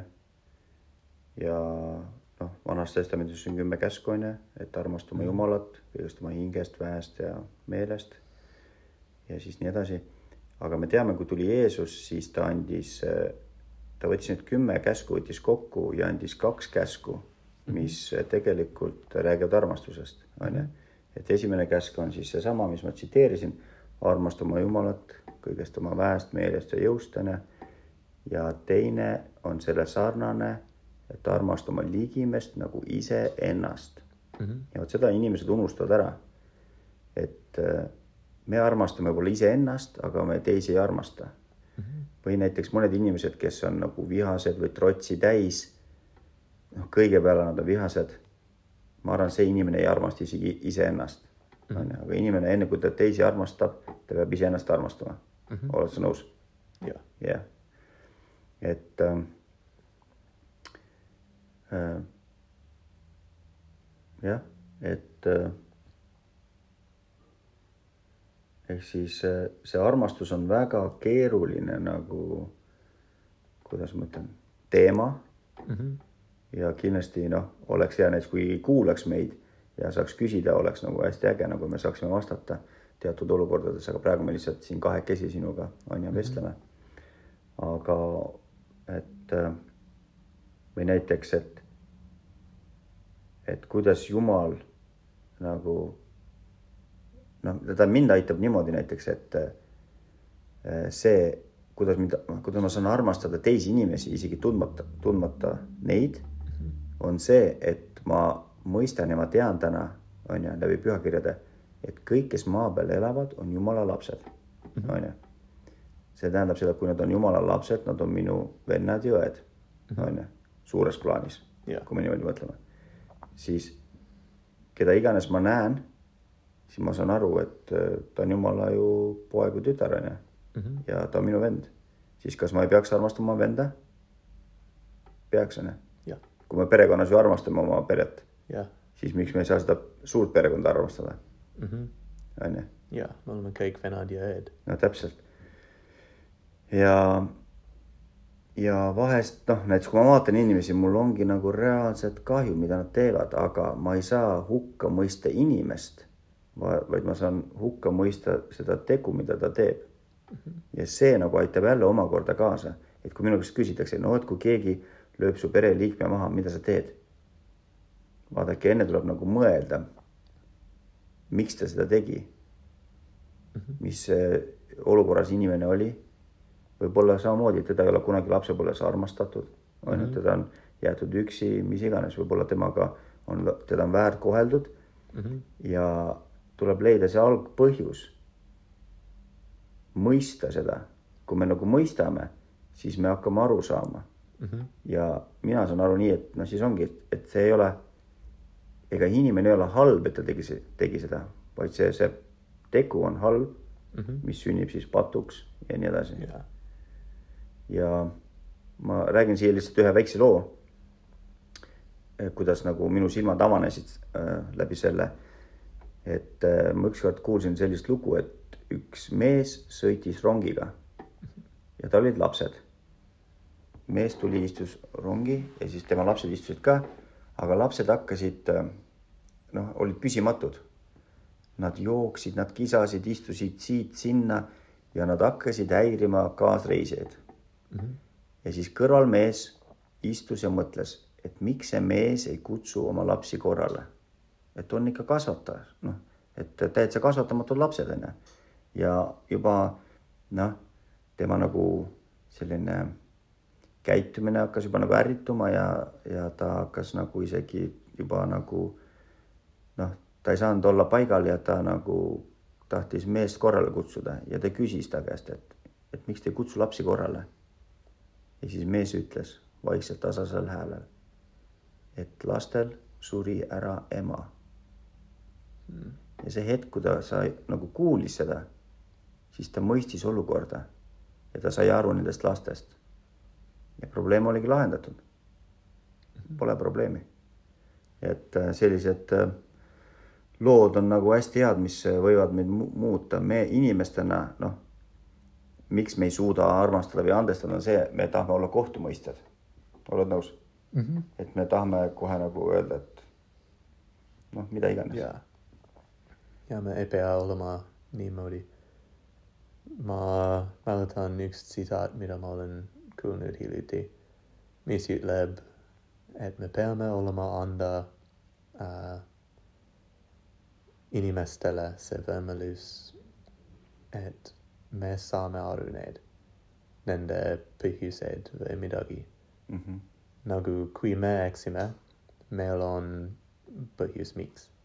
meil on asjad, mida me ei saanud teha, mida me saime teha, mida me ei saanud sel ajal, vajasime, vajasime ja nii edasi ja nii edasi.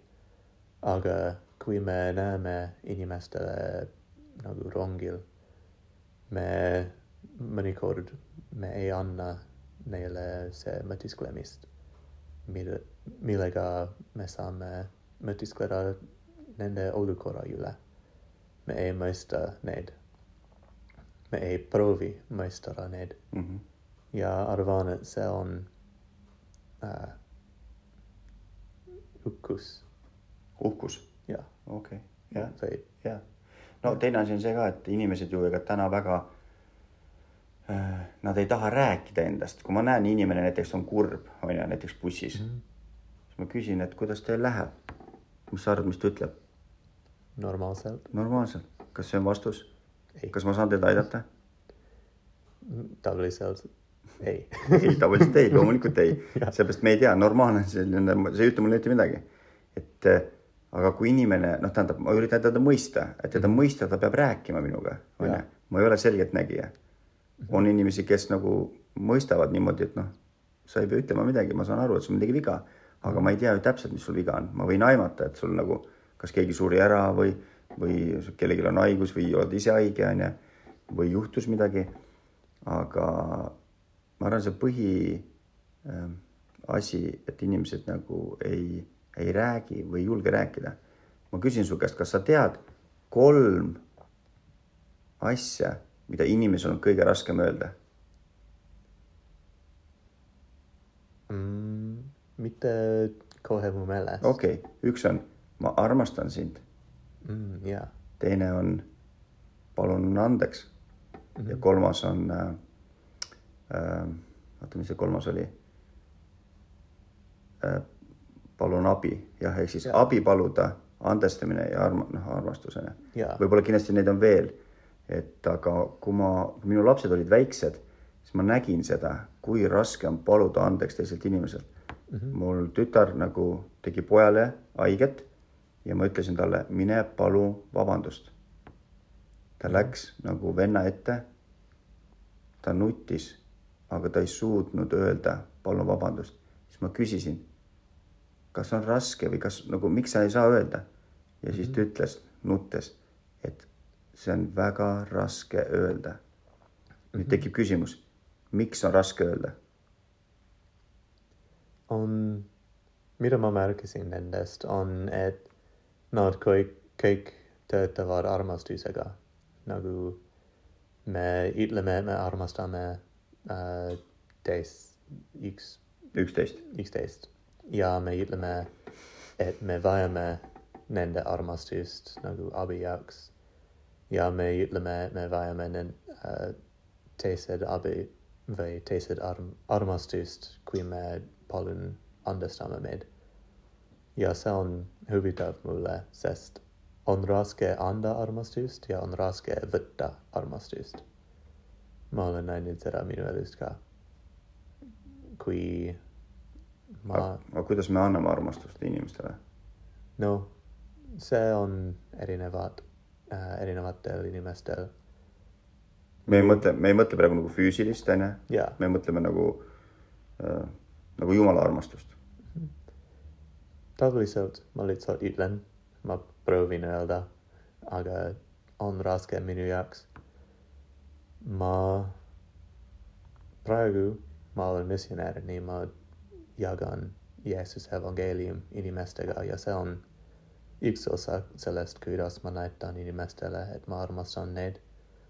tavaliselt ma lihtsalt hoolistan, hoolistan nendest hoolitsed nende eest. hoolitsen, jah. ja, jah, mm. -hmm. ehk siis äh, äh, kuidas ma ütlen, et äh, anda armastust, jah, see on nagu, see on nagu midagi nii suurt, noh, põhimõtteliselt ma saan aru niimoodi, et kui ma nagu mõtlen nagu Jeesuse Kristuse nagu seisukohalt, et kas sa oled nõus selle inimese jaoks tegema kõike, isegi andma oma elu tema eest, see on nagu midagi nii suurt, mis ei mahu pähe nagu onju Äh, ta ütleb, suurem armastust ei ole kedagi kui see, et ta ole, ta on nõus andma oma elu tema sõprade pärast. jah, täpselt onju. et äh, mul on siin üks tsitaat äh, valmis pandud ka, et enne me rääkisime siis, et äh, mis asi armastus on, aga samal ajal paralleelselt äh, piibliga Mormoni raamatus ütleb siin Moroni seitse peale seda, et ta ütleb siin, mispärast mu armsad vennad, kui teil ei ole ligimese armastust, siis ei ole te mitte midagi, sest ligimese armastus ei hävi ilmaski. mispärast hoidke ligimese armastust, mis on suurim kõigest, sest kõik peab hävima. noh, piiblis on tegelikult samamoodi nagu see õpetus on sama. aga ligimese armastus on Kristuse puhas armastus ja see kestab igavesti ja kellel iganes leitakse seda olevat viimsel päeval, sellega on hästi. mispärast, mu armsad vennad, paluge isa kogu südame jõuga, et te võiksite täituda selle armastusega, mida ta on andnud kõigile, kes on tema poja Jeesuse Kristuse tõelised järgijad. et te võiksite saada Jumala poegadeks, et kui ta ilmub, oleme me tema sarnased, sest me näeme teda nii, nagu ta on et meil võiks olla see lootus, et me võiksime saada puhastatud just nagu tema on puhas. ehk äh, siit tuleb välja see, et äh, kuulajad, kes kuulavad, inimesed, et, et kust nagu leida seda nagu armastust või kuidas seda saada. me teame läbi pühakirjade, et öeldakse nagu küsige ja teile antakse, koputage, teile avatakse mm. -hmm. et me peame reaalselt nagu küsima Jumala käest ja siin nagu ta tsiteerib ja ütleb, et et paluge kogu südame jõuga nagu südamest nagu mm -hmm. ehk siis me peame palvetama Jumala poole, näiteks ma oma palves kasutan ka selliseid sõnu, et näiteks, et et Jumal, palun nagu täida minu süda armastusega mm. -hmm. ja noh, erinevat moodi saab nagu palvetada. et, et ma võiksin tunda, et mul oleksid sellised head soovid, head tunded kõikide nagu inimeste vastu, kellega nagu ma läbi käin. Ja ma ütlen täna nagu ausalt, mul ei ole mitte ühtegi nagu vaenlast mm -hmm. või keda ma vihkan või kedagi hästi läbi ei saa, ma saan kõikidega hästi läbi. seepärast ma vaatan neid inimesi teise nagu teistmoodi nagu läbi, ütleme jumala silmade siis mm. -hmm. et ja niimoodi me saame tegelikult neid armastada. ükstapuha, kes on, on see nagu kurjategija või on see, ma ei tea mm. -hmm väga nagu puhas inimene, noh, kes iganes on mm -hmm. mees, naine. jah, ja mulle on tähtis, et see on valik meile, meilt. meile? meile. seal sa mõtled see armastus? jah ja, ikka, et me saame ja. valida mm. -hmm. ja loodetavasti on kergem meie jaoks, kes on saanud äh, armastust nagu noorematena või midagi, aga me saame teara nabut Paulus agirias Corinth la et armas tus iat cab iga vesti iaseon vaga ololina fras mulla sest sitahenda taiut leb ka sin ia sel selon mis purutas mind et iumala sena sab uh, valesti e. E, mis volesti ei, jumala sõna suri, sureb ära. proovi uuesti, ma ei saanud aru. jumala sõna läheb ära või? ütle see nagu mõte, mõte, mis sa tahad öelda uh,. God's word will pass away. jumala sõna põhimõtteliselt, et mida Jumal on öelnud, saab äh, olema. valemaks. ole äh, nagu täidetud või, või? jah. okei okay. no.. valemaks enne äh, armastust ei jätka. nagu isegi kui kõik veel meie elus läheb valesti või mm -hmm. halvasti mm, -hmm. armastust jätkab igavesti. okei okay,, armastus ei hävi kunagi. ja, ja, ja, ehk siis ta on igavene. ja, ja. on no. raske inglise keelt äh,, eesti keelt. ja, ja saime aru väga hea.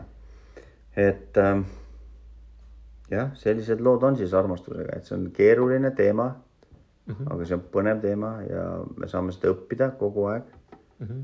et äh, jah kuulajad, kui kuulate, siis mõtisklege selle üle, et mis asi siis armastus on ja kas meis on see armastus ja kuidas me saaksime seda armastust kasutada selles mõttes, et aidata teisi. ma toon näite, näiteks ma olen kohanud selliseid inimesi. noh, kristlasi ma mõtlen, kes, kellega sa näiteks surud kätt ja hakkad rääkima, siis ja kui inimene räägib, siis ta nagu peegeldab sellist rahu ma ei tea, tasadust, alandlikkust. no ma ei oska öelda, niisugune tunne nagu räägiks ingliga. ja inimeses kumab sellist nagu soojust ja nagu ja see ongi nagu võib-olla armastus, nagu ma ei oska öelda nagu. ja see juba mõjub nagu nii hästi ja kujutame ette, kui noh, inimene, kes näiteks ma ei tea, on pahur või vihane või karjub teie peale. nagu me kindlasti ei peaks vastama nagu halva halvaga, vaid pigem naeratame talle nagu küsime mm, -hmm. kas kõik on hästi, kas me saame sind aidata ja pange tähele, et see inimene reageerib hoopis teistmoodi nagu mm. -hmm. ma toon ühe näite, näiteks ükskord äh, kassas olles äh, ma nägin kassapidajat, kes oli kaugelt väga vihane. ma saan aru, et see töö on raske. sa pead inimestega suhtlema, inimesed võib-olla küsivad igast asju, sa pead naeratama mm -hmm. ja sellel teenindajal oli väga ma ütlen siis selline kuri ja vihane pilk ja ma lihtsalt tundsin, et ma pean midagi küsima, küsin käest, et, et kas teil on halb tuju. ja ta nagu, ta tõstis pea ja ta, ta ei öelnud midagi, aga ta natuke nagu naeratas. et juba näete, see nagu tähelepanu inimese pöör-, noh, kui me pöörame tähelepanu inimesele, siis see juba nagu on positiivne nagu mm. -hmm. Minu kogemuses ma olen leidnud, et see positiivne asi, kui me väljendasime see positiivne äh, energia, energia ja, ja me saame näidata selle kaudu, et me armastame üksteist. et me hoolime nendest. jaa. et me ei ole ükskõiksed mm. -hmm. et me aitame nagu keda iganes, ma ei tea, tänaval või vanatädi või keda iganes mm. -hmm. et äh, ja, ja armastusega on täpselt samamoodi, ma olen aru saanud nagu usuga, seda tuleb nagu toita, nagu -hmm. õppida sellest, siis me nagu, meie arusaam nagu kasvab ja kasvab ja kasvab ja, ja see saab suureks nagu mm, -hmm. nagu puuks.